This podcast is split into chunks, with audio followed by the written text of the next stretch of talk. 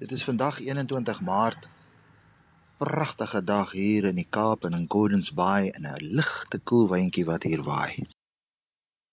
Gisterand het ek ook hier buite kom sit want dit was 'n warm dag en was 'n lieflike aand. En ek was regtig baie geïnteresseerd in 'n lieflike donker wolkbank wat hier oor Valsbaai opgesteek het. Die wolke het skielik baie donker geword en blou geword. En skielik vinniger donker geword, donkerder geword as wat ons nou gewoond is hier in die Kaap soos die winter ons nader. En glo my, vir 'n ex-Gautenger in Bosvelder was dit so pragtig om te sien hoe die weerlig blits en speel tussen die wolke. Ek kon nie anders as om my hande net uit te brei en te sê ag Here, stuur dit net vir ons bietjie nader nie dat ons hierdie droë droë Kaap met 'n groot krisis as dit kom by water net weer bietjie kan nat sien. En veral Here oor ons opvangsgebiede daar waar ons damme is. Want hulle sê al vir ons dat die water begin al hoe bruiner en bruiner in ons krane word. En ek dink toe skielik gisteraand toe ek hierdie donker wolke sien opkom aan daardie dag. Daardie dag waarvan ons lees in Lukas 23. Markus sê al van die 3de uur af wat Jesus aan die kruis gehang het en hy het al vir 3 ure daar gehang. En skielik in Lukas 23 vers 44 sê hy en omtrent die 6de uur het daar duisternis oor die hele aarde gekom tot die 9de uur toe. En die son is verduister en die voorhangsel van die tempel het middeldeur geskeur.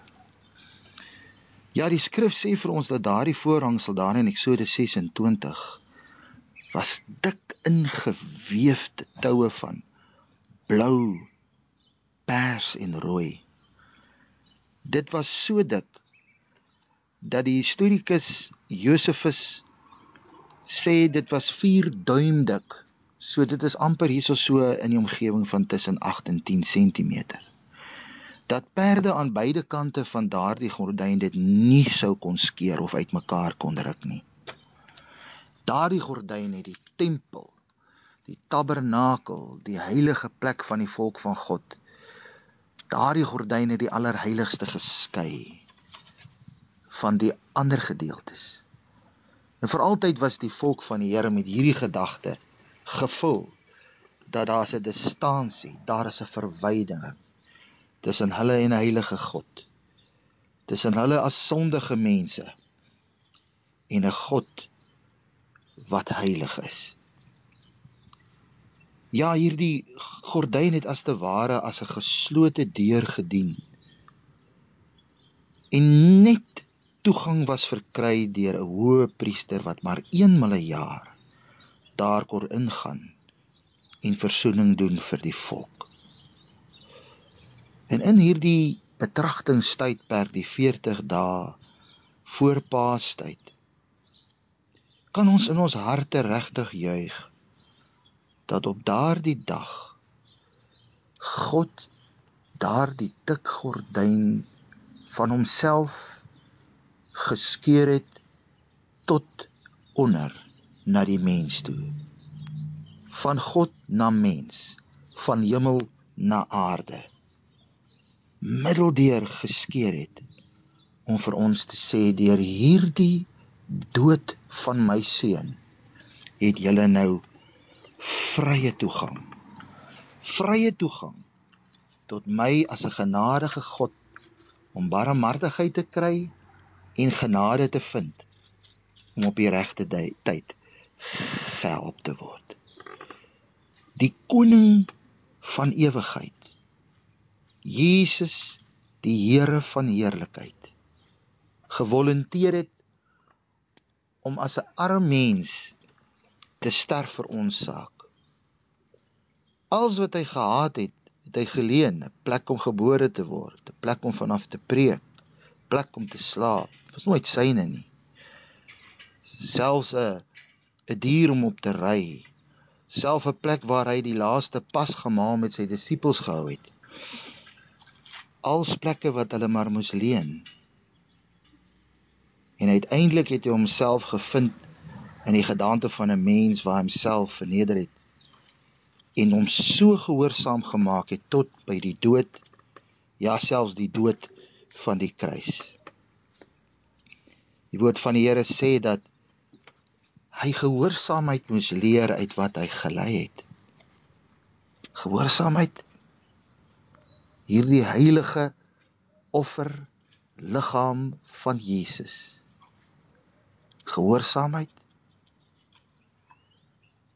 ja deur sy pyn en deur sy kruis het hy altyd gefokus gebly op die vreugde wat vir hom voorgehou was gehoorsaamheid sodat ek en jy deur sy gehoorsaamheid vreugde, verlossing, vrymaking en 'n ankerpunt in hom te kry. Terwyl soveel dinge in hierdie wêreld nie sin maak nie.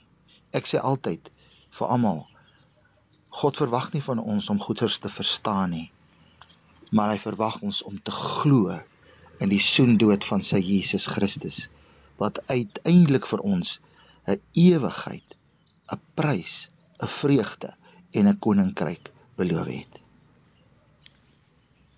Soos dit baie duidelik al gestel was dat Paasfees en Kersfees is onlosmakend van mekaar.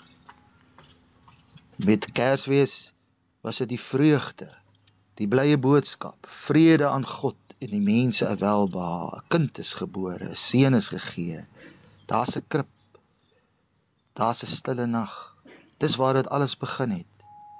En ons almal ken hierdie storie.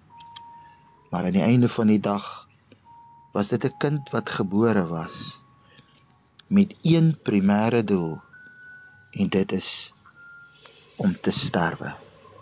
En weet julle, al was Christus 100 maal in 'n krib gebore en nie in jou hart nie, gaan jy verlore. Mag ons dan vandag met hierdie volgende gebed afsluit. Kom ons bid saam. Ons almagtige Vader. Ons juig in hierdie kennis dat ons uiteindelik as helverdiende sondaars deur u seun Jesus Christus deur hierdie geskeurde gordyne na u toe getrek word. Ons besef dat u genade, Here, is ver bo ons vermoë om dit ooit te kan verstaan. Dankie Here dat u elke hindernis tussen ons en u verwyder het en dat ons vrye toegang het om op enige oomblik en enige dag U te kan nader en op ons knieë voor U te kan sak en ons lewe aan U toe te wy. Help ons Here dat ons altyd na U toe sal kom in hierdie korrekte mengsel van menslikheid maar ook vrymoedigheid en selfvertroue. Ons bely vanmôre ons nodigheid vir U en as ons asook ons vertroue in U. In Jesus naam. Amen.